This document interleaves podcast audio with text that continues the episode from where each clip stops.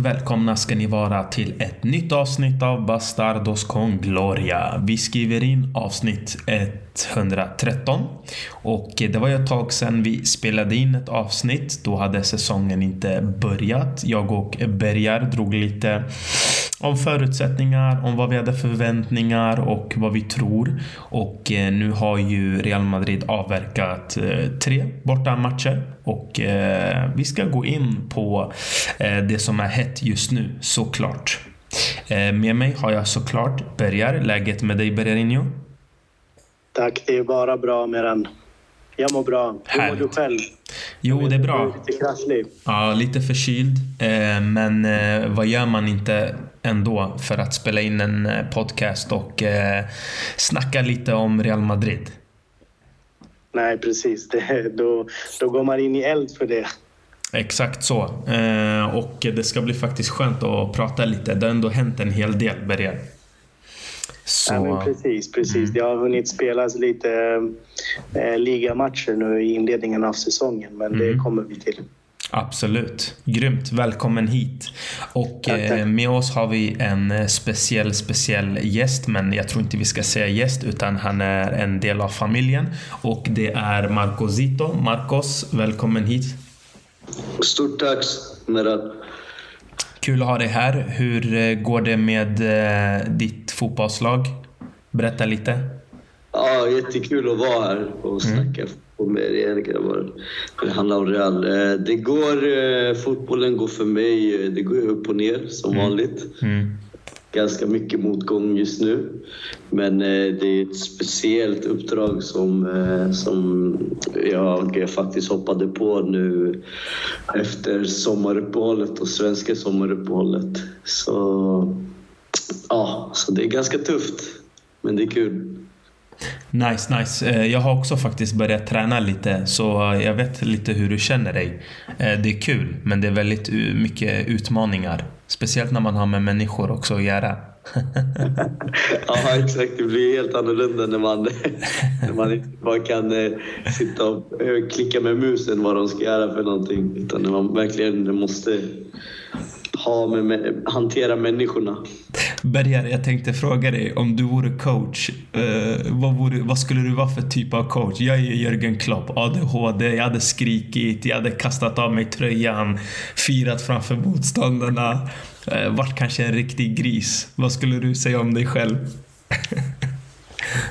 Får jag skryta? Ja, lätt. jag, skulle, jag skulle vara Zizou tror jag. Okej, okej. Okay, okay. Harmoni. Eh, mm. Lite då och då eh, tända till och liksom eh, ta av sig kavajen och hetsa när laget ligger under sådär. Men, eh, men annars eh, ganska lugnt eh, och, och sansad, det tror jag.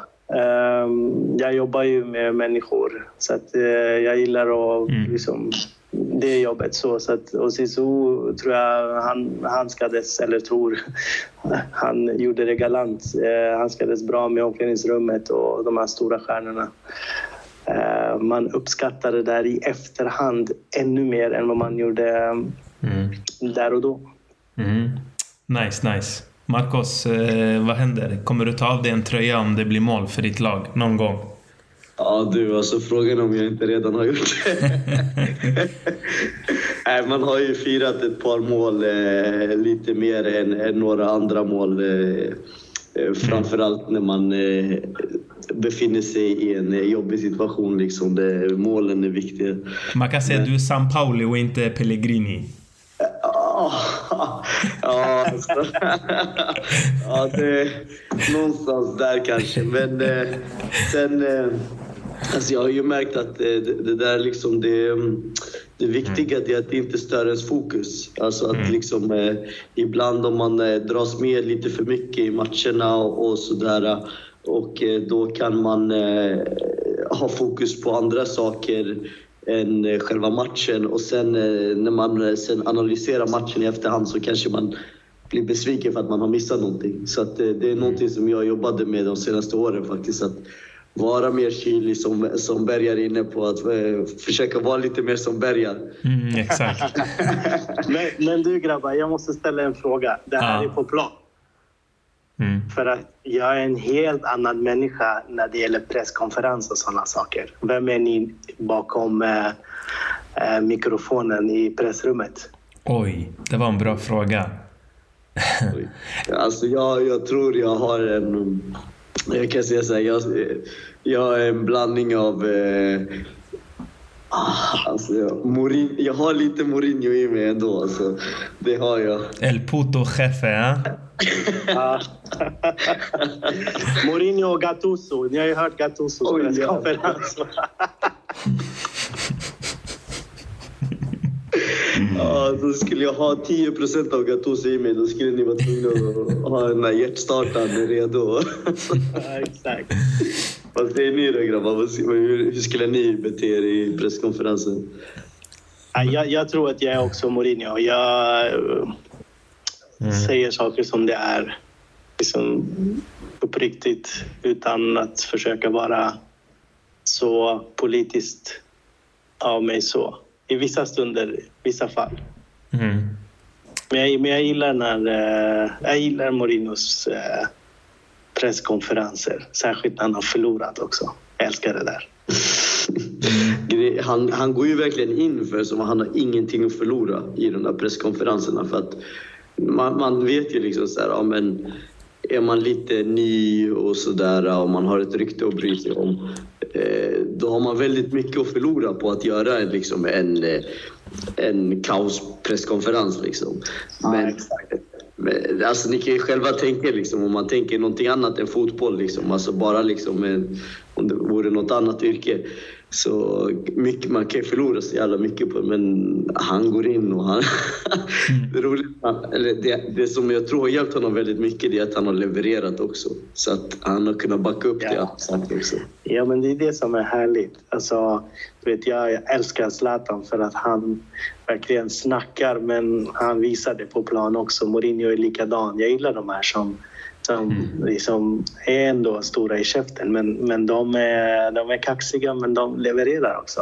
Mm, mm, exakt, exakt. Är, de är, det är de största enligt mig. Alltså, det är de jag har otroligt stor respekt för. För det är ju hur lätt som helst att vara politiskt korrekt och liksom inte irritera någon och eh, vara medelmåttig. Men eh, att gå ut, sticka ut hakan så långt som de gör och sen också leverera. Det är liksom, det är så jävla stort. Det är det största. Bjuder på show. Ja, exakt. Mm. Ja, jag skulle säga väl att jag är mer som, eh, ja, men som Klopp. Jag skulle vara en dålig förlorare. Skylla på gräset, skylla på solen, Xavi, eller? Skylla på kepsen, skylla på Solen. eh, motståndarnas... Jag kan faktiskt se det framför mig. Med. Ja, jag är skitdålig förlorare. Jag tål inte förlora. Så jag skulle nog vara ja, den som klagar på allt möjligt. Domaren, spelschemat, det är för många matcher. Eh, ja, jag skulle, jag skulle dra alla ursäkter. Hörni grabbar, en sista grej innan vi går in på Real Madrid. Jag måste ändå ställa den här frågan för den är ändå relevant även när det kommer till Real Madrid. Vi börjar med dig Bergar. Alltså med den saudiska ligan nu att de värvar så mycket. De hämtar in stora talanger. Det är inte bara avdankade spelare. De har enorma eh, summor pengar att röra sig med. De kan erbjuda spelare enorma kontrakt och löner. Eh, kan det bli problematiskt för Europa och vi säger Real Madrid. Kan det bli problematiskt för ett lag som Real Madrid som vi säger till exempel inte kan få tag i kanske den bästa spelaren. Han är upptagen. Han har precis skrivit på för, vi säger United. Och eh, Real Madrid behöver någon i mellanskiktet som de vet kan bli grym men ja, de har råd med den här spelaren. Men den väljer istället saudiska ligan. Vad, vilka problem ser du med, med att saudiska ligan har kommit in så här i fotbollsvärlden? Vi måste ändå ta upp den biten. Ja, men, eh, liksom alla de här statsägda lagen eh, med, med rika ägare och så vidare, det ställer ju till det till en viss del för Real Madrid. Om vi, vi tar Real-perspektiv. Eh, tidigare var man liksom ensam på banan och man kunde bara peka och plocka in eh, Barças kapten och Zizou, Ronaldo, vem man ville, Beckham och så vidare. Men nu har man fått konkurrens från PSG, från City och nu även Saudi som, som kommer in här. Ehm, personligen så tror jag fortfarande att eh, Real Madrid har en sån dragningskraft som är oslagbar. Inga pengar i världen kan köpa det där. Eh, men eh, visst, skulle Al-Hilal slåss om samma spelare som Real Madrid vill ha och erbjuda mera löner och så vidare, det kan bli lite ekonomiskt liksom, problem. Men, men, men jag tror inte att jag har svårt att tänka mig att en spelare skulle välja Saudi före just Real Madrid i det här fallet. Mm. Mm. Marcos, vad säger du? Om... Ja, nej, alltså just idag så är ju som Berre säger, det Real är ju störst. Men det har ju också mycket att göra med att eh, Eh, Eh, Real har ju vunnit så många Champions League-titlar nu på sistone. Så att eh, det gäller ju verkligen att Real ligger i och eh, fortsätter att hova in titlar för att kunna claima den där titeln, liksom, att vara störst i världen. För det funkar ju inte liksom att säga att ja, men vi är Real Madrid, vi är störst och sen vinner man inga titlar på fem år. Liksom. Så att det krävs ju att man lägger i ytterligare växel Eh, jag tycker att någonstans, jag har, alltså jag, kommer ju, jag har ju inte tittat på en match hittills och jag kan inte ta de här highlightsen på allvar som kommer ut nu sen när Cristiano gör hattricks och jag vet inte vad och sånt. För att de, han möter ju liksom spelare som har en helt annan eh, fotbollsutbildning än vad, än vad eh, han själv har. Liksom. Så att det, det går inte att jämföra så. Det är ju lekstuga. Men, men jag tycker ändå att det är bra. Jag gillar konkurrensen för att det kommer ju tvinga flera klubbar, flera eh, förbund också att steppa upp för att göra sina ligor attraktiva. Alltså för att vara ärliga, Spaniens, alltså spanska ligan har ju tappat enormt mycket nu på sistone. Exakt.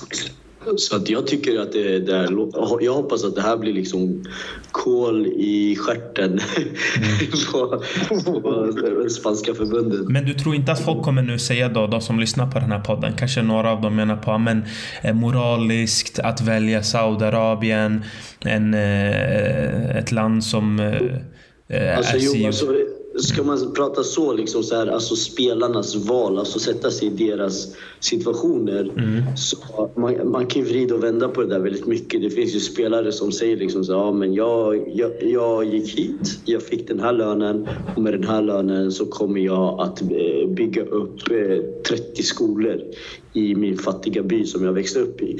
Och eh, då tar han ju pengar från den här staten och investera dem i en eh, fattig by. Liksom. Hur, eh, moraliskt, hur ställer vi oss till det? Alltså, är du med? Så det är så här, ja, visst, absolut, man kan vrida och vända på det där väldigt mycket. Och det är någonstans upp till varje spelare, tycker jag, så här, att värdera. Så här, ska jag dit eller dit? Men för, hur, hur moraliska är pengarna från PSG? Och hur moraliska är pengarna i sitt... Alltså är du med? Mm. Ja, men exakt, för det, eh, får jag bara hoppa in där. Mm. Det är precis det jag tänker på. Vissa sitter och hejar och klappar åt Manchester City samtidigt som de höjer ögonbrynen åt, åt Saudi och säger att det är omoraliskt att spela där och deras pengar är si och deras pengar är så där. Medan själv sitter och hoppas på att någon shejk ska komma och köpa upp deras lag. Eh, eller att dens eget lag rullar ut röda mattan så fort en saudisk lag knackar på dörren och vill köpa deras spelare. Så att, mm. eh, där, där, får man väga in lite. Är det omoraliskt liksom att eh, flytta till Saudi, och spela fotboll där, då måste man ju ha samma syn kring fotboll i Ryssland, kring fotboll i USA, kring fotboll eh, i PSG, i City, i alla de här Eh, statsägda och, och de här stora länderna eh, där det pågår det ena och det andra bakom kulisserna. Så att eh, man måste överväga det lite och, och jag, jag, tror att Marcus, du är inne på helt rätt spår för ligorna. Eh, det blir en, en, stress och press att nu måste vi lev, levla upp. Det är ju roligare att titta på Neymar versus Ronaldo i en saudisk liga, även om det är det, än att jag sitter och kollar på Celta Vigo Almeria exempelvis. Mm. Eller det kan vara uh, typ Premier League mittenmöten någonstans. Även, även toppmöten i vissa eh, ligor eh, vill man ju helst undvika om det är så att jag kan hellre se Benzema mot Ronaldo eller Neymar eller de här stora stjärnorna. Så det sätter ju viss absolut press. Mm. Och så, då, då, måste ju någonstans de här äh, uh, ligorna och förbunden här, äh, de mer traditionella, som traditionellt sett har sett som storligor och som fortfarande gör det, de måste ju se till att, för nu är det ju en hel, alltså en generation som har valt att gå till Saudiska ligan och gå dit och äh, då måste de här se till att göra det attraktivt för kommande generationer att inte gå dit, att stanna kvar i Europa och kanske att de, några av dem har kommit tillbaka också. För, för menar, handlar det bara om pengar, då är det ju svårt att mäta sig. Alltså för lönerna de betalar ut där kommer ju de ju aldrig få här. Men andra grejer som de kan göra liksom för att det ska bli betydligt mycket bättre eh, måste de ju ta, ta tag i. Liksom. Mm. Jag håller med er båda två grabbar. Ni, ni ser otroligt bra saker. Eh, jag kan bara hålla med. Jag tycker också att det är mycket hyckleri och eh, man kan eh, säga vad man vill. Nu är Saudi här. De betalar de summorna de gör.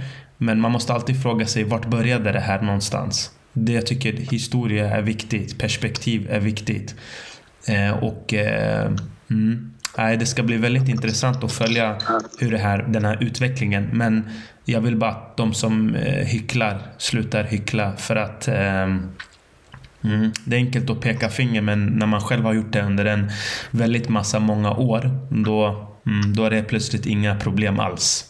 Nej, jag vet inte. Och, så, så här, och, och, och det här med att man lägger skulden på spelarna. Man måste ju tänka sig in i spelarnas situation. De väljer ju någonstans det som är bäst för dem.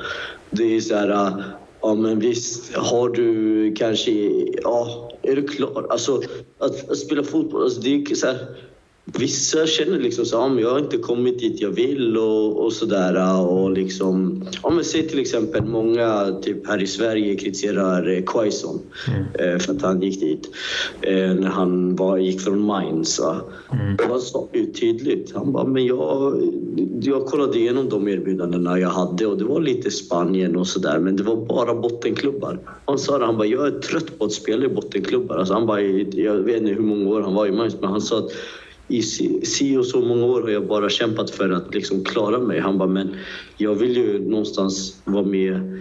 Alltså, han är trött på att strida i botten och då dök det här upp och då sa han, men då är det, då kan inte jag, vill ingen toppklubb ha mig, då tar jag pengarna istället. Och det är så här, okej. Okay. Sen kan man tycka vad man vill om, han, om att han ska vara i landslaget och nivån och allt det här, men det är liksom ett medvetet val som han gjorde och det är bara att respektera det. Mm. Ja, exakt. Och jag, jag liksom, eh, tyvärr är det ju så att eh, pengarna har ju liksom överträffat moralen. Det har, det har ju hänt, eller det, det har liksom, det, det hände för 20 år sedan när, Exakt. När, när Abramovic köpte upp Chelsea bland annat och så vidare. Mm. Uh, och sen tänker jag så här, ah, hur kan en Neymar dra till Saudi säger folk, men vad då? Han byter ju bara Qatar-pengar mot Saudi-pengar. Vad spelar det för roll? Det spelar ingen roll alls. Faktiskt. Det, det, är alltså, det, det är samma. Bara för att han är i Europa betyder det inte att det är liksom... Det, det, det Fläckfritt. Mm. Eh, eller det är finare. Mm. Eh, så att eh, alla som går till PSG går ju för Qatar-pengar. VM var i Qatar. Mm. Så att VM innan dess var i Ryssland. Det, det, det är länder som vi pratar om som ja, där kan man ifrågasätta moralen och etiken och allt det här som, som finns. Så att, mm. eh, sen får, får, man också, som du var inne på, Quaison, alltså vad, vad, har man för alternativ om man tar Cristiano istället? Hade inte Ten Hag fått eh, någon typ av eh, övermod och blivit eh, någon som han inte är så hade han ju stannat i Europa. Det här hade aldrig hänt. Han ville ju vara kvar. Hade Real haft en plats hade han spelat i Real. Mm. Men eh, alternativen, bristen på alternativ eller bristen på att det inte fanns respekt för en sån stor spelare någon annanstans i Europa. Det fick han det där borta. Och helt plötsligt så öppnades andra dörrar för andra spelare som känner sig uppskattade, som känner sig eh, omtyckta, kommer dit, det är fullsatta läktare, det är en bra fotbollskultur. Bortsett från det eh, liksom politiska som har funnits i Saudi, eller det religiösa sedan innan. Den här nya prinsen som förvisso äger Newcastle i Premier League också. Eh, det är helt okej okay att köpa upp Newcastle men det är inte okej okay att spelare åker till Saudi och spelar. Mm. Eh, eh, de, de känner sig uppskattade och, och jag har faktiskt följt ligan, inte så jättenära men lite liksom på, med ett öga i alla fall. Och, och den var inte så bra när Ronaldo anlände i januari förra, eller i år. Men den här säsongen, det är en helt annan match. Ronaldo ställs mot Koulibaly. Ronaldo ställs mot spelare som, eh, som är liksom världskända. Mm. Eh, det är stora stjärnor. Det är inte bara liksom, eh, deras egna saudiska lag. Sen får vi inte heller glömma att Saudiarabien överraskade ju VM också. Så att det finns ju fotbollskultur, pengarna är där. Och, och bortsett från eh, eh, fotbollen så har ju Saudiarabiens projekt på, på flera miljoner när det gäller golfen, när det gäller Formel 1. Eh, det, det, det är mycket som, som, som pågår i hela det också. Mm. Men, bara så här, vara tydlig med det är inte så att jag tycker om det. Jag gillar ju liksom att det ska vara traditionellt. Jag gillar ju La Liga, Serie A. Jag gillar inte Premier League. Men än mer, jag gillar ju liksom att ha toppspelarna här. Mm. Jag gillar inte MLS och det här. Alltså jag gillar det traditionella. Så jag tycker det är synd att det, är, att det har kommit till den här punkten. Men jag kommer inte sitta och säga att det är fel att gå dit och, och, och sådana saker liksom, som många vill göra. Men eh, om jag får ställa en, en, fråga till er. Vad tror ni om framtiden kring det här? För det är ju någonting, Saudiarabien är här för att stanna uppenbarligen. Tro, men, och som du säger Berga, de har höjt nivån på ligan och det har kommit in många spelare och sånt. Men ändå så har de ju ingenting, de har ingen titel att tävla om där. Det finns ingen riktig så här, eh, prestigefull tävling i Saudiarabien. Så vad tror ni, tror ni kanske Florentino Perez sitter där och tänker hmm, Super League eller? Eller vad, eller vad tror ni i framtiden för, för dem? För de måste ju, för att det ska kunna bli på riktigt, på riktigt så måste de ju ha någon sorts prestige i och, och tävla om det. Ja men exakt. Alltså, mm. jag, jag tänker framförallt VM för klubblag som från och med nästa år blir större än vad den någonsin har varit. Eh, där det ska ingå, jag minns inte riktigt om det var 24 eller 32 lag som ska spela. En sån turnering kan ju vara intressant för, för lag från Saudi också, att få spela VM och möta eh, Real Madrid och Liverpool och Bayern och så vidare. Eh, och i det här läget så kommer de också in med en helt annan styrka än vad de har gjort tidigare. Det har varit 5-0 matcher tidigare när, när Real har mött Al-Hilal eller eller eh, någon, någon liksom asiatisk lag. Eh, men nu blir det ju konkurrens på ett helt annat sätt. Nu, nu ställs man mot liksom stora spelare och eh, vi får inte heller glömma de här eh, lagen, de flesta av dem i, i saudiska ligan har ju också, jag ska inte säga världstränare, men det är ändå tränare som är som har ett namn som man har hört talas om, som, som har erfarenhet, som kan förändra lagens status och spelarnas tankesätt och ge dem en utbildning och kanske ännu bättre och ännu längre ner i, i, liksom i leden i deras ungdomslag och så vidare för Saudis framtid eller uh, fotbollen i Asien uh, överhuvudtaget. För vi får också tänka på att det här är inte bara Saudiarabien. Jag, jag vet inte exakt, jag har inga siffror men men undrar hur många personer eller, eller hur många fotbolls fanatiker från Asien som också har nu möjligheten att åka till Saudiarabien för att se Neymar, Benzema, Ronaldo och så vidare där de inte har haft den möjligheten tidigare. Så det är en, det är en stor grej som händer kring fotbollen i, i, i hela Asien. Mm. Sen, ja, absolut. Eh, du, det, vi har ju pratat om kinesiska ligan när de gjorde sina satsningar. Vi har pratat om MLS, liksom, hur det gick och så vidare. kommer Saudi, kommer det gå lika illa för dem också? Jag vet faktiskt inte. Jag, jag tror faktiskt att eh, Eh, framtiden för dem ser ganska eh, ljus ut och vara med i VM för klubblag. Sen hoppas jag, eller förmodligen så kan ju kanske andra länder börja satsa också. Eh, det kan bli... Japanska ligan har ju haft liksom, eh, en del stora spelare från Europa eller kinesiska ligan å andra sidan eh, Qatar och eh, Eh, Arabemiraten har ju också haft eh, spelare, vi vet ju att Xavi och Raúl och de här eh, har varit där nere och spelat tidigare. Men det, det är intressant. Eh, jag tror att eh, det blir ändå tävling när, när, när du ser en skytteliga bestående av Ronaldo, Firmino, Benzema, Neymar, eh, Mitrovic och så vidare. Och så vidare. Det blir ändå en, en, en tävlingsnivå eh, eh som är högre än, än vad den saudiska ligan skulle erbjuda. Mm, mm. Jag, jag tror att de behöver någonting, någon sorts koppling till någon europeisk tävling för att liksom kunna bli på riktigt, på riktigt. Mm. Alltså, jag, jag vill inte säga någonting om Superliga. Jag tänker Perez har inte fått igenom den i Europa än. Men, men kanske, jag vet inte. Men jag, men jag tror att det börjar med VM för klubblag. Där eh, kommer de att eh, synas mer och mer. Det, det är en tävling som pågår varje år. Mm. exempelvis. Eh, och eh, just den turneringen kommer att bli större än eh, vad den har varit tidigare.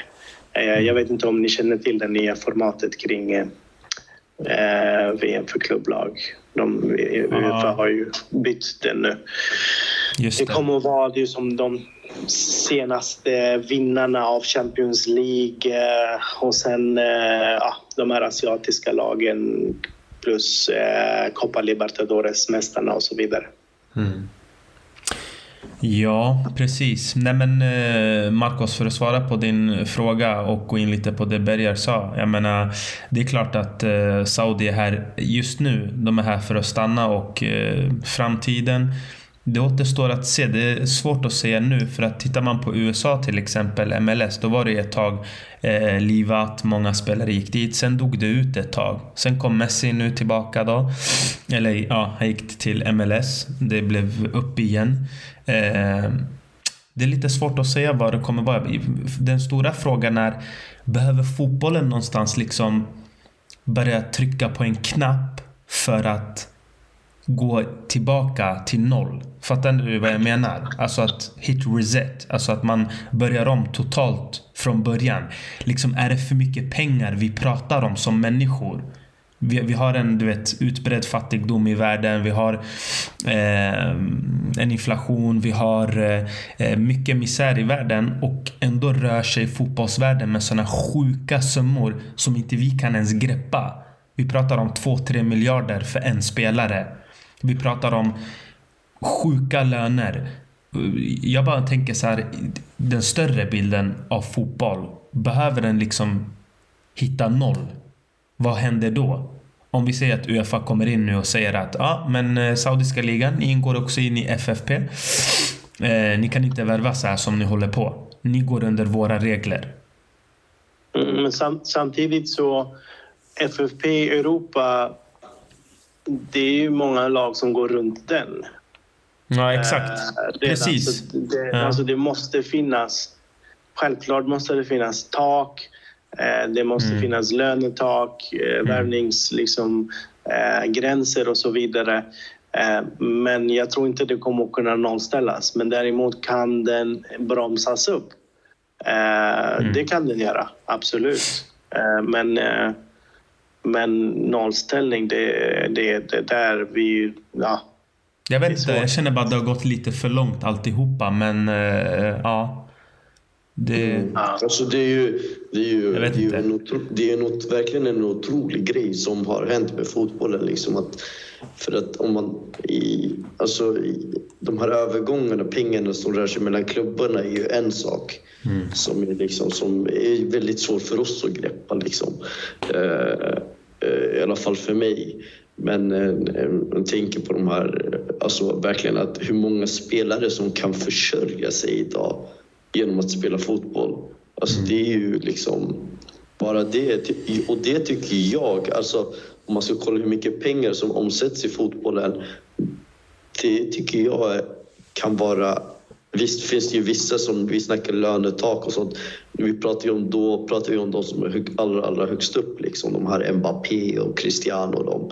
Men om vi går längre ner och kollar längre ner, då är det ju fler och fler som kan försörja sig på att spela fotboll idag. Sant, sant. Bra argument. Ja, och då, och då tänker vi så om vi tänker att vi har en, en kille i, i, ett, i ett fattigt land som, som är grym på fotboll och får chansen att komma till, eh, säg Sverige. Och okej, nu är det ju inte riktigt så, men säg att han kommer hit och spelar lite lägre Tar division. inte emot invandrare, Marcos. Just det. Men om de är bra på fotboll, då kanske man tar emot dem. Men, eh, och liksom att komma hit och ha, använda Sverige som en språngbräda för att komma ut, men också att kunna försörja sig med att spela fotboll i Sverige. Alltså det är bara det, för mig, det är wow. Liksom, att, att, att, det, liksom, att det kan vara någons levebröd. För bara för att när vi var små till exempel, det var ju liksom en, en hobby. Jag kommer ihåg, jag läste på tidningen att spela, liksom allsvenska spelare liksom, alltså, ja, typ, ja, ha lite extra jobb vid sidan och jobba. Elektrikerjobb vid sidan av. Ja, exakt. Nej, men precis, ja, det, det är intressant att du säger det. För, att jag, för ett tag sedan så såg jag en lönelista på allsvenska spelare och jag bara jäklar, det har hänt någonting här. De tjänar inte bara 30-40 tusen i månaden utan vi pratar eh, stora, större pengar. Ja, Eh, och då blir ju det helt plötsligt en, en, en dröm att ändå få komma och spela i allsvenskan för många unga till exempel i Sverige. Eh, vi måste också säga eloge till allsvenskan. Fan, det, det, där är det ju ren fotboll fortfarande. Eh, om inte Zlatan kommer in och förändrar det på något sätt i Bayern. Men, eh, men eh, där är det fortfarande orört om man säger så. Ja, om man kollar på planen också. Nej, bortsett från plan. Nej, men, men jag tänker alltså, om bara innan vi avslutar. Alltså Kina och USA gjorde de här satsningarna. Men ärligt alltså, fotboll är inte störst i USA. Det heter ju socker där. Och Kina, vad, alltså, vad har de för nationalsport? Är det, Bra fråga. Ingen aning faktiskt. Den blekaste. Vågar inte uttala mig. Det kan... det är väl badminton, pingis och sådana grejer? Är det inte? Pingis är de väl bra på? Springa, alltså, eh, maratonlöpningar och ja. Så det, det, alltså, men till skillnad från Saudi, där är det bara... Det finns ju någon siffra med så här 99 procent är så här fotbollsfanatiker i det landet. Det är inget, finns typ inga andra sporter för dem. Någon sån där galen siffra. Nu, nu slog jag till det bara, men det, det var en sjuk siffra som jag läste om att eh, Mm. det, det är ett fotbollsland. Absolut. Ja, och när det är ett sånt, alltså, när det är ett fotbollsland, varför ska de inte få bedriva liksom, den drömmen som de har? Tyvärr hade Ronaldo accepterat 20-30 miljoner om året så som han gjorde i United, då hade de ju erbjudit det. Men Saudi har en sån stämpel runt omkring i världen så de måste erbjuda det hundra gånger så mycket eller tiodubbla för att, för att kunna locka dit de spelarna. Så det är också en, en, en stämpel som gör att de är tvungna att erbjuda sjukaste summorna för att kunna locka dit vissa spelare. Eh, men jag tror att med tiden, när fotbollen visar sig mer och mer där istället för alla rapporter om eh, mänskliga rättigheter och, och allt som man får eh, upp i ansiktet från Twitter. eh, så tror jag att det blir lättare för dem att kunna stabilisera sig eh, och kunna ha en normal marknad eh, för att eh, komma tillbaks till den liksom, frågan eller det som du lyfter med om att när kan det ta stopp eller när kan det balanseras? Mm. Uh, så jag tror att när det här stormen har lagt sig lite så, så kommer det vara en liga där det finns stjärnor och då blir det ju större uh, liksom, intresse från andra spelare att komma dit för det är också en, en, en okej okay liga eller en bra liga. Eh, så att de stora pengarna tror jag inte det kommer att flöda för evigt utan det är en, det är en kortsiktig eh, satsning. Mm. Grymt grabbar! Kul med sådana här diskussioner också. Det ska bli jätteintressant att följa det och hur det kommer påverka också Real Madrid. För nu ska vi prata såklart också om Real Madrid. Eh, vilket vi har gjort såklart indirekt. Men nu ska vi gå direkt på Real Madrid. Grabbar, vi har börjat med tre raka borta segrar. Eh, två riktigt imponerande segrar eh, borta mot Bilbao och Celta Vigo brukar ju vara två arenor där Real Madrid har eh, problem. Eh, de här tre första matcherna, Marcos, vad tar du med dig? Vad, vad har du för intryck? Nej, men det Alltså det är som att se liksom, det, jag ser det synonymt med Santiago Bernabéu. Det är liksom eh, byggställningar. Mm. alltså jag ser, det har kommit in lite nya spelare som är jätteintressanta, absolut. Men det är inte ett klart lag vi ser på planen. Eh, men, men, men, eh, men det tror jag alla redan vet om, liksom, att, vi, att Bellingham är ingen forward och så vidare. Men, ursäkta. Eh, men det som jag tar med mig så, så här, på, alltså det är liksom så här, bra spelare vi har att göra med. Liksom så här, trots att man skulle kunna, trots att man säger liksom, att laget inte är klart och vi saknar forward och så. Men spelarna som är där är ju så pass skickliga att de löser det ändå.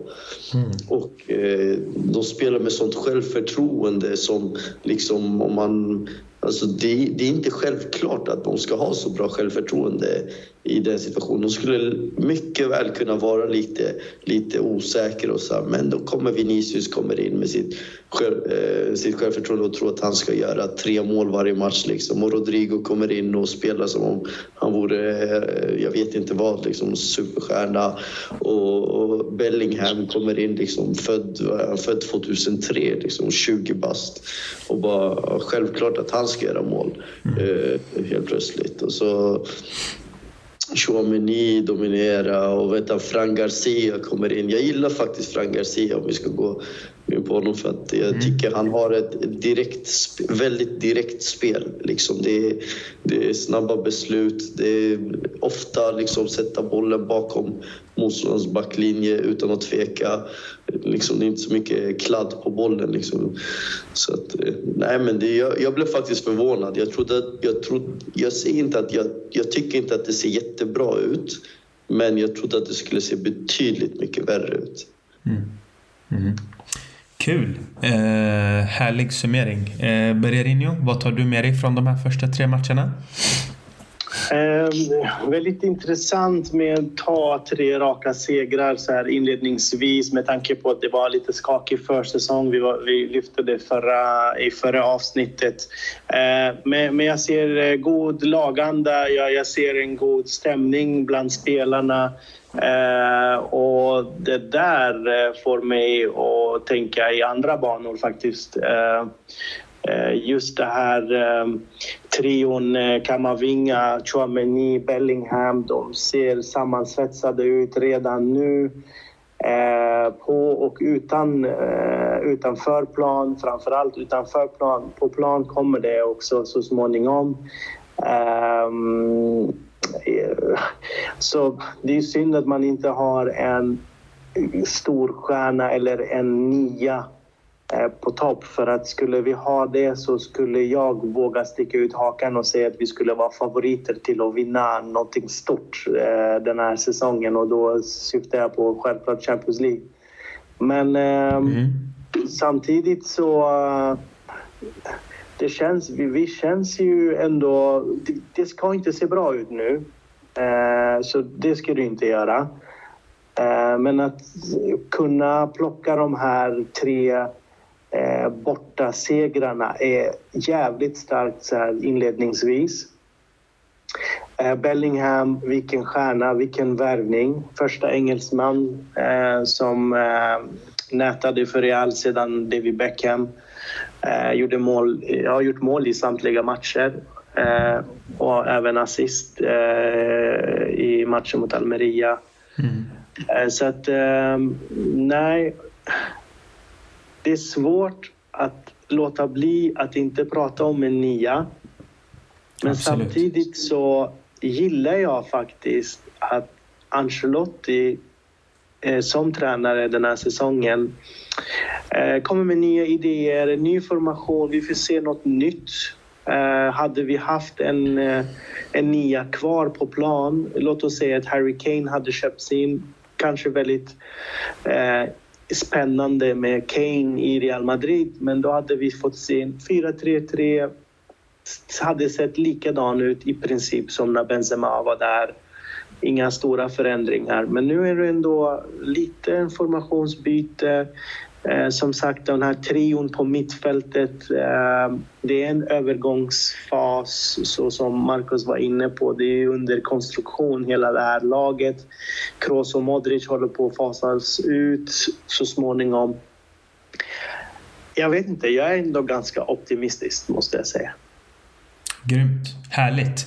Eh, själv tycker jag också att det har varit eh, kul att se att Real Madrid eh, liksom eh, i början på en sån här ligasäsong inte känner av liksom pressen att de här nya spelarna måste leverera och att de känner att eh, ja, men vi har ingen riktig målgörare. Vi förlorade Karim Benzema och jag menar inför säsongen så undrar man mycket vart är Mbappé och så vidare.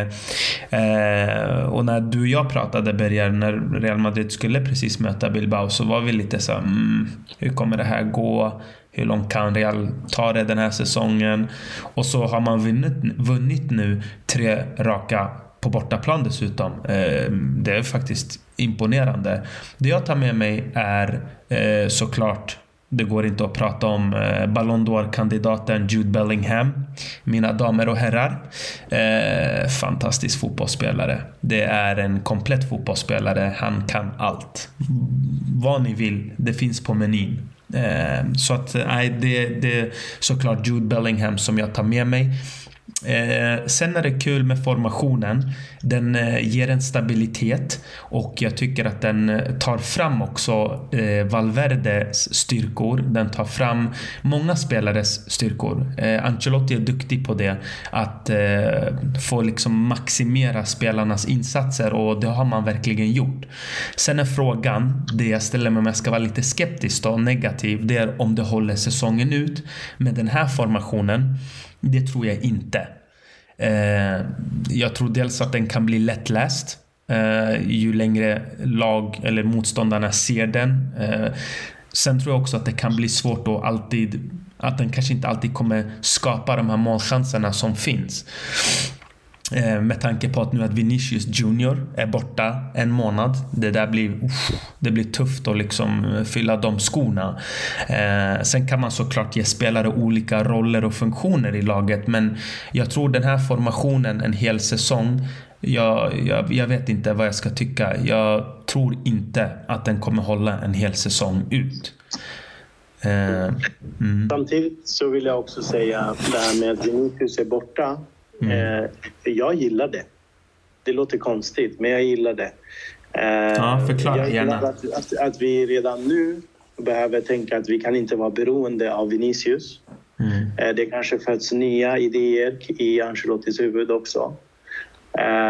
Fler spelare blir involverade och ju fler vi har involverade desto bättre blir säsongen i och med att man ska slåss liksom på samtliga håll. Och, eh, så det, det gillar jag eh, definitivt. Jag tror vi kommer att skapa många chanser. Eh, vi kommer att ha dock kanske svårt att göra målen. Ja, men det är det jag tänkte. Vem ska göra målen i det här laget nu när Vinicius... Alltså det är det jag ser ett stort problem där. Rodrigo. Rodrigo. Rodrigo. Alltså han saknar karaktär. Tycker ni inte? Grejen är så här, jag, jag vill prata om Rodrigo. Det var bra vi kom in på honom. För det här är också en debatt Eh, som jag sett lite på, på Twitter och sådär. Och jag är på den sidan som tycker att Rodrigo är fantastisk på små ytor. Sättet han kan vinkla, alltså hans, vin, hans vad säger man, angles, alltså vinklarna när han dribblar, de är helt sjuka. De är på en annan nivå. Eh, han, är, han har en fantastisk touch. Men det jag tycker Rodrigo saknar, och jag vet inte om ni håller med mig här, men jag tycker karaktären är inte där, hans pondus. Jag tycker att den brister och jag vet inte om han är en världsklass eller kommer bli en världsklasspelare. Han är en duktig fotbollsspelare. Det, spelar man i Real Madrid så är man grym eh, oavsett. Men den där sista nivån. Jag vet inte vad andra ser. Jag ser en kille som inte mentalt eller karaktärsmässigt är inte riktigt där 100 procent. Alltså jag, jag måste faktiskt säga emot dig med det. Jag tycker tvärtom. Jag tycker att ja, men det är bra. Ja, få höra. Mm. han, ehm, han kom ju tillsammans, om bara kolla så här. Mm. Ja, man, man, man vill ju jämföra honom med Vinicius bara för att de kom samtidigt. Mm. De är nästan lika gamla. De kostar nästan lika mycket och sådär. Och så har vi den ena som liksom älskar uppmärksamheten och, och så. Medan han, eh, Rodrigo, lite mer lågmäld när det kommer till allt ära eh, runt omkring. Han kräver liksom inte att... Ja, ja, alltså han kräver inte uppmärksamhet utan han fokuserar sig på vad han gör på planen. Och det han gör på planen, han är så himla komplett. Att, alltså han, kan spela, han har liksom fyra positioner han kan spela på utan problem. Och liksom gnäller inte utan har alltid gått in och typ det var ju en period, eller han, han är lite fortfarande att han får spela den här andra fiolen. Hans utgångsposition var ju för vänster. Men nu kan han ju spela liksom höger, tia, forward. Och liksom lite allt möjligt. Så att han, jag tycker han har visat att han, han kan, alltså han vill bara vinna. Liksom. Han vill gå in, prestera och göra det han ska göra. Och att han har spelat i stora matcher har han ju visat förut också. Så att det liksom, jag ser ingenting. Sen är han ju inte den här mediaspelaren liksom som kommer sitt, stå och ge citat inför varje match och hetsa med publiken och bråka, tjafsa med domaren och, och, och knuffa motståndarna och sådana grejer. Utan han, Men han ger alltid, alltså han ger honom bollen, han ser till att skapa någonting. Faktiskt måste jag säga att idag, hans, jag ser honom som en mer komplett spelare än vad Vinicius är. Faktiskt. Ja, alltså, jag, har, jag säger inte emot att han inte är en fantastisk fotbollsspelare. Det tror jag också. Eh, men eh, jag tänker mer på, det, på den mentala biten. Och sen, sen nu, tänk på att jag spekulerar. Det är inte så att jag säger att jag sitter på svaren. Absolut inte. Jag vet ju inte vad som föregår sig i hans hjärna. Vi kan ju, som du säger, man kan ju bara titta på det man ser på det fotbollsmässiga. Men ja, jag vet inte. Jag bara saknar det här ledarskapet från honom som jag tycker Jude Bellingham har. Eh, det är inte att jag tycker Jude Bellingham är bra på att tackla, bra på att hitta ytor, bra på att eh, läsa av spelet, göra mål, vad där är viktiga. Det är mer den här karaktären. Jag ser en ledare ledare på plan. Eh, men det är som du säger, alla är ju ledare på olika sätt. Benzema var ju likadan. Det var kanske inte någon uttalad ledare på det sättet. Men eh, ja, vi får se. Det ska bli intressant att, att se om Rodrigo kan nu, när, ben, när, nu när Vinicius inte finns, att han kanske också får spela på sin position som han älskar mest. Och det är ju vänsterkanten. Där tror jag att han kan göra ännu mer faktiskt. Så vi får se nu om han eh, kan lyfta nu när Vinicius blir borta. Snyggt grabbar. Eh, som sagt, tre... Medan, eh, Mm. Just den här formationen, den här nya, Mm. den missgynnar Vinicius lite. Eh, men eh, gynnar Rodrigo mer, tycker jag. Mm. Eh, för där får han vara fri och jag tror inte riktigt på att hans favoritposition är till vänster utan hans nog favoritposition är att vara, ha en fri roll där han kan röra sig lite hur han vill. Mm. Eh, för då är han som bäst. Eh, och eh, jag saknar också den här lilla jävlar anamma bara, du vet, nu, nu tar jag tag i det här. Eh, visst, mm. vi har ju haft eh, honom i inhopp mot Chelsea, inhopp mot City liksom, och mm. liksom vänt matcher eh, på egen hand. Så. Men när han är en startspelare så vill jag liksom få ut lite mer av honom och han ska inte han ska verkligen visa de här ledaregenskaperna som, eh, som, som du framhäver för jag saknar det också lite. Annars är han också för mig... Eh, det är svårt att säga att han eh, är bättre än Vinicius men, men jag förstår Marcos att eh, han behärskar många olika liksom, eh, faktorer i, i sitt eh, liksom anfallsspel. Eh, på, på ett, alltså man, han får en 7 av 10 på allt i princip medan Vinicius har kanske 10 av 10, 9 av 10 på flera, eh, på, på några liksom delar i sitt spel och har lite brister i, i andra. Eh, så som, Vinicius, så som Rodrigo har lite jämnare på. Eh, så att jag förstår eh, eh den tankesättet. Men, men eh, just det här eh, formationen som Ancelotti, den här nya, det gynnar faktiskt Rodrigos spel. Där får han glida lite runt omkring hur han vill. Och det tror jag blir nyttigt. Mm. Det blir intressant att se om han kliver fram nu när även Vinicius är borta och, och som en startspelare. Han har varit grym som en inhoppare tidigare men som en startspelare har jag haft frågetecken på honom också. Mm. Ja, men det ska bli kul att följa. Vi får se hur det går. Och eh, Det som jag hoppas på det är att Ancelotti, om det låser sig, att han inte liksom eh, fastnar i sitt arbetssätt. Som ibland det kan hända att han fastnar eh, på, en, på, en, på ett visst sätt. Med, och spelarna blir låsta, spelet blir låst. Jag hoppas att vi hittar olika alternativ. Så för det är som du ser Berger, det här är ju ett läge nu där Ancelotti får möjligheten att eh, vrida och vända lite eh, och använda lite olika spelare. Och nu kan man använda till exempel en Joselu på ett helt annat sätt. Ehm, man kanske inte behöver använda honom så mycket att han kommer ner och att man använder honom i bollinnehavet utan att han kanske är bakom motståndarnas backlinje, hittar ytan till Bellingham, vilket han gjorde. Eh, assisten till Bellingham. Så man får ju hoppas att Ancelotti har olika vapen eh, som han kan använda nu när några spelare är borta. Ja, det, det, är viktigt, för det var ju det som saknades förra säsongen. Mm. Det var liksom rak 4-3-3 varenda gång mm. i princip. Eh, men nu vet man att man kan gå tillbaks till 4-3-3 där många känner sig bekväma. Eh, men nu finns det också en ny formation eh, där många spelare kommer rätt och det, det var du inne på och det tycker jag, alltså jag tycker den formationen, den här nya passar Reals liksom spelarprofiler mer än, eh, än 4-3-3. Bortsett lite grann från Vinicius och kan han behärska det här, då har han ytterligare en växel till. Så det blir intressant om han skulle växa in i, i den nya eh, rollen och inte bara slicka kant utan eh, vara lite fri, komma in lite mer centralt och, och så vidare. Och på så sätt vara mindre, förutse eller, ja, precis, mindre förutsägbar. Så, mm. så det blir intressant. Väldigt intressant tycker jag. Eh, sista innan vi drar här. Eh, Marcos, nu har vi ju ingen forward.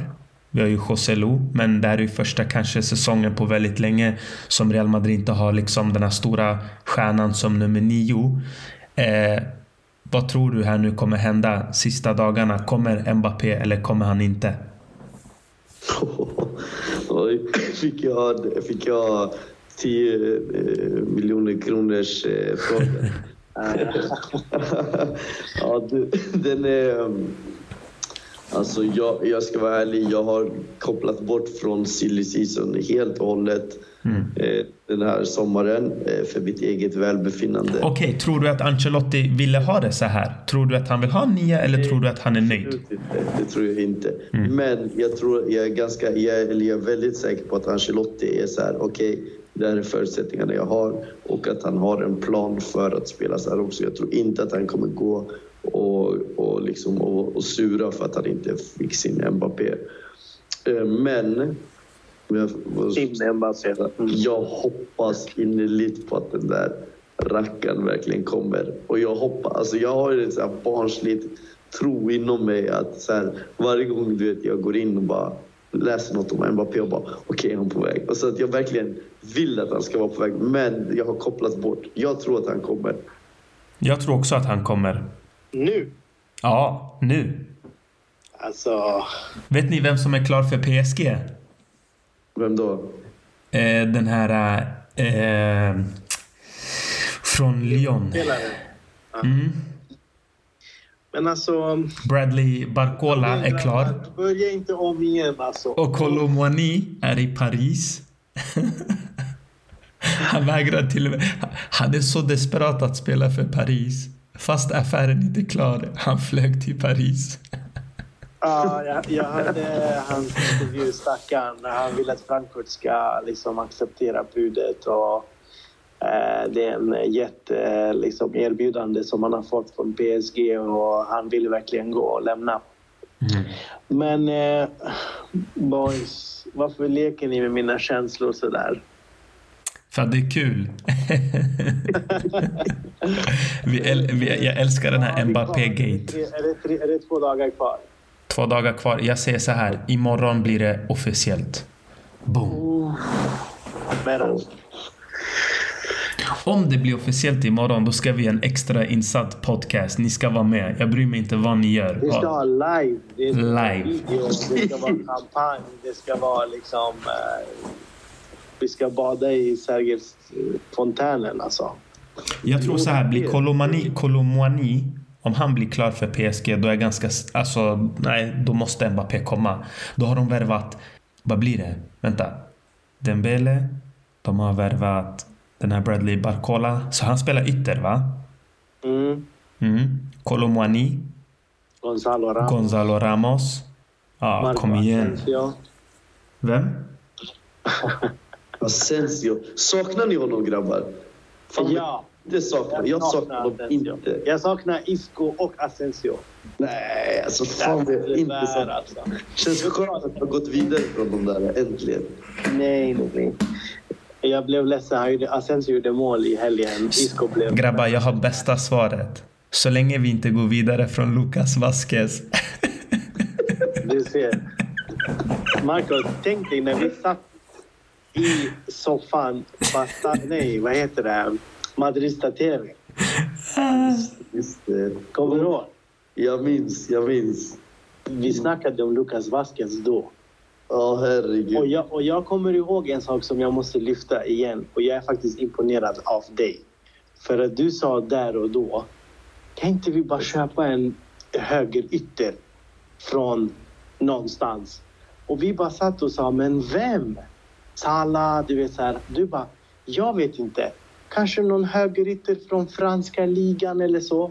Och vi bara garvade. Vi bara, vem är fan ska komma från franska ligan högerytter?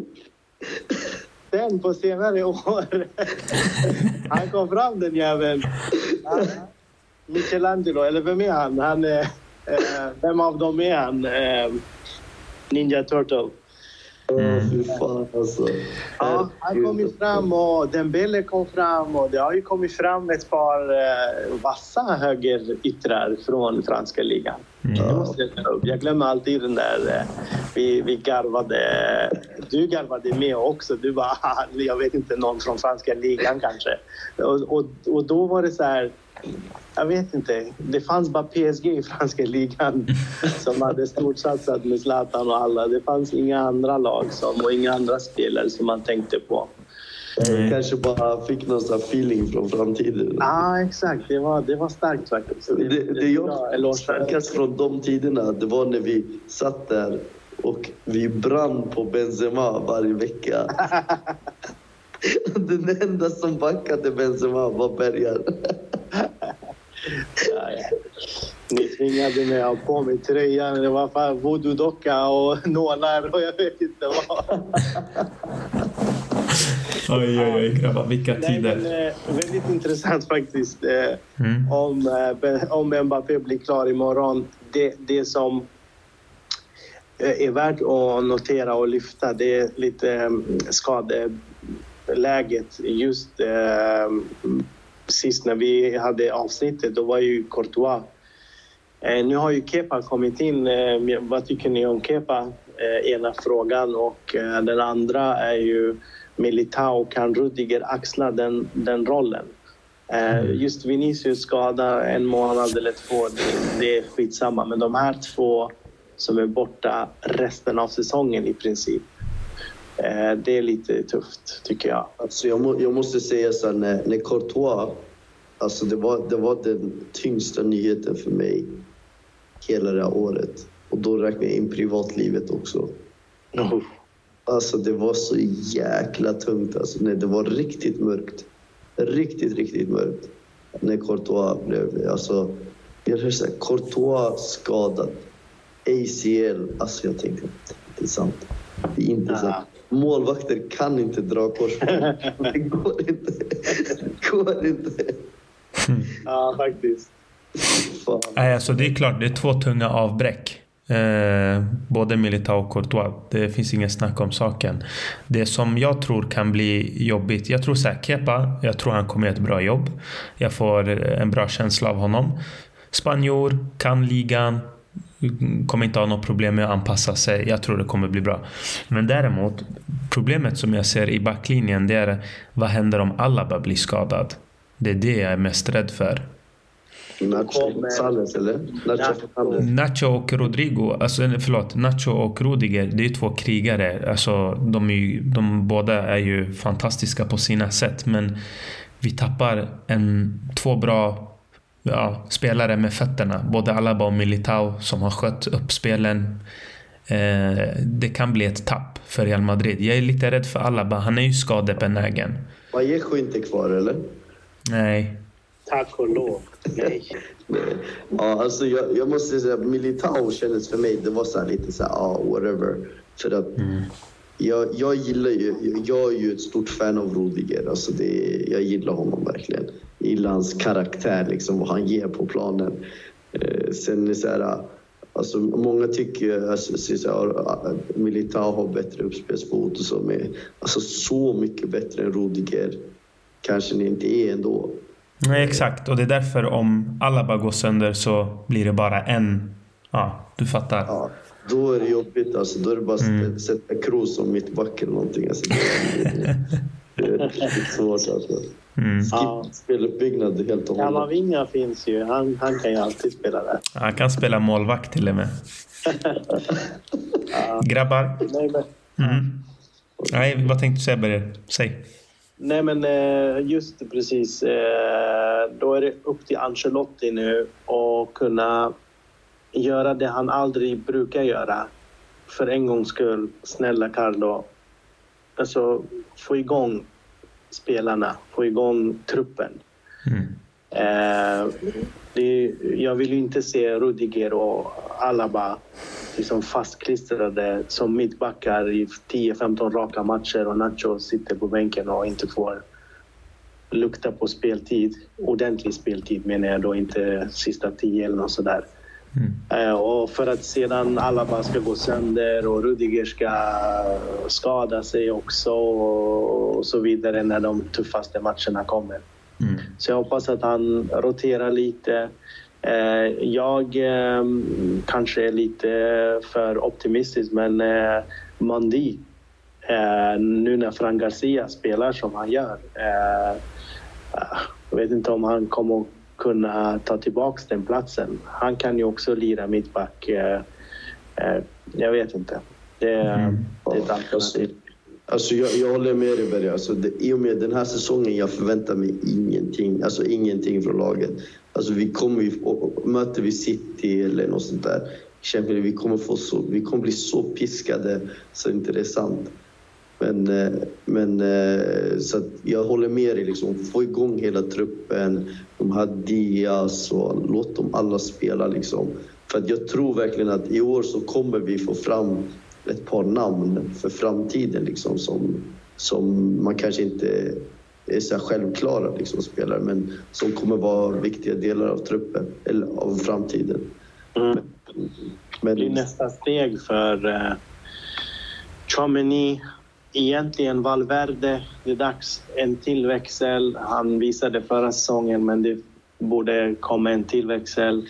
Rodrigo, Kamavinga, Bellingham ska ju visa framfötterna. Vinicius ska ju anpassa sig och också visa att han liksom har mer att ge.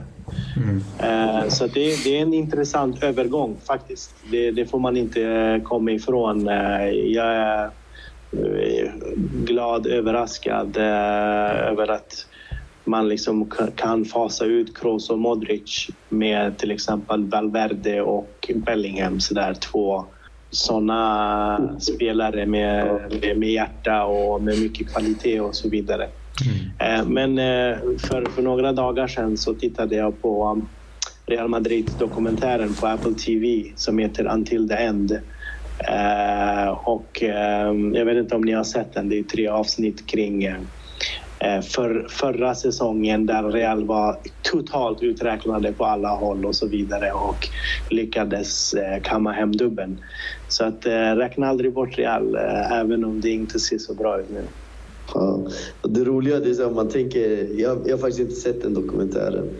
Men eh, så tänker man, om, det, om vi kallar det här, den här säsongen för mellansäsong och generationsskifte och sådär. Eh, om vi bara minns tillbaka sist vi gjorde det.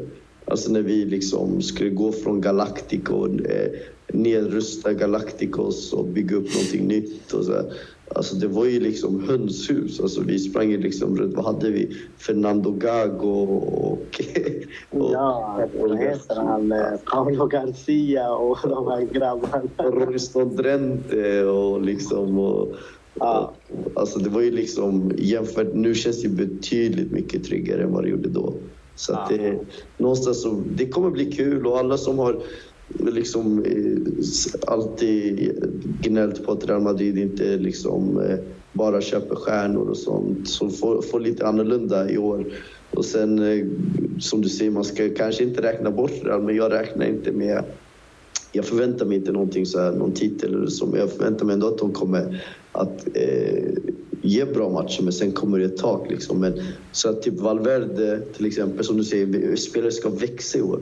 Valverde hade ju för förra säsongen var ju hans genombrottssäsong någonstans.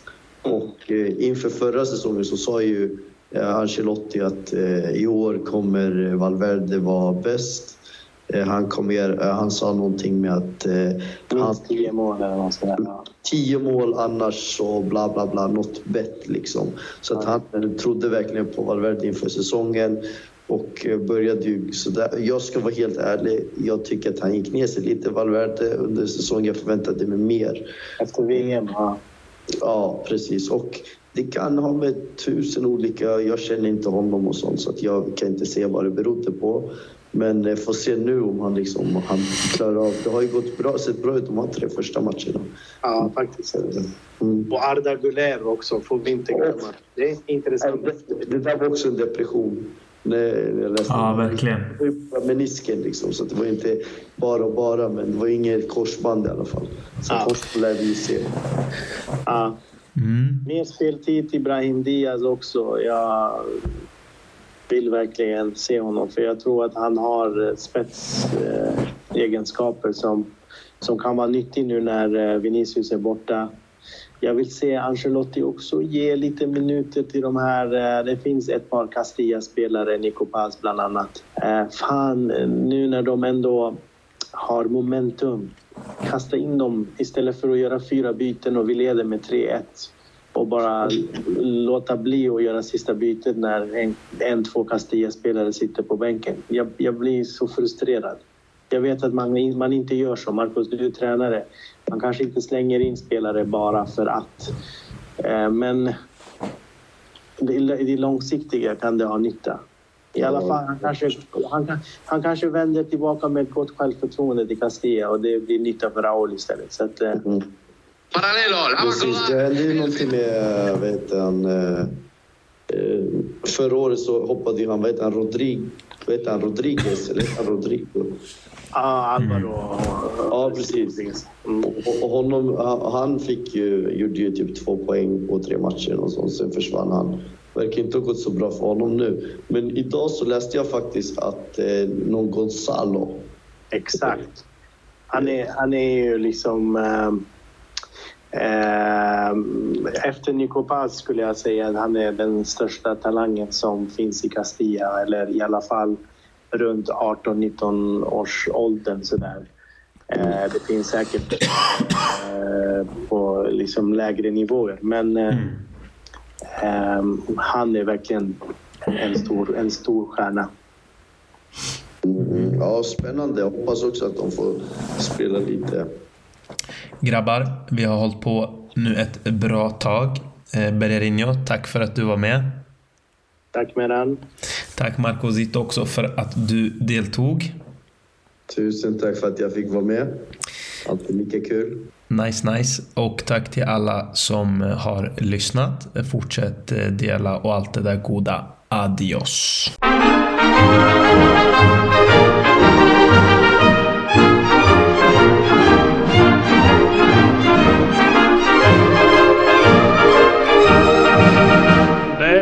Deportivas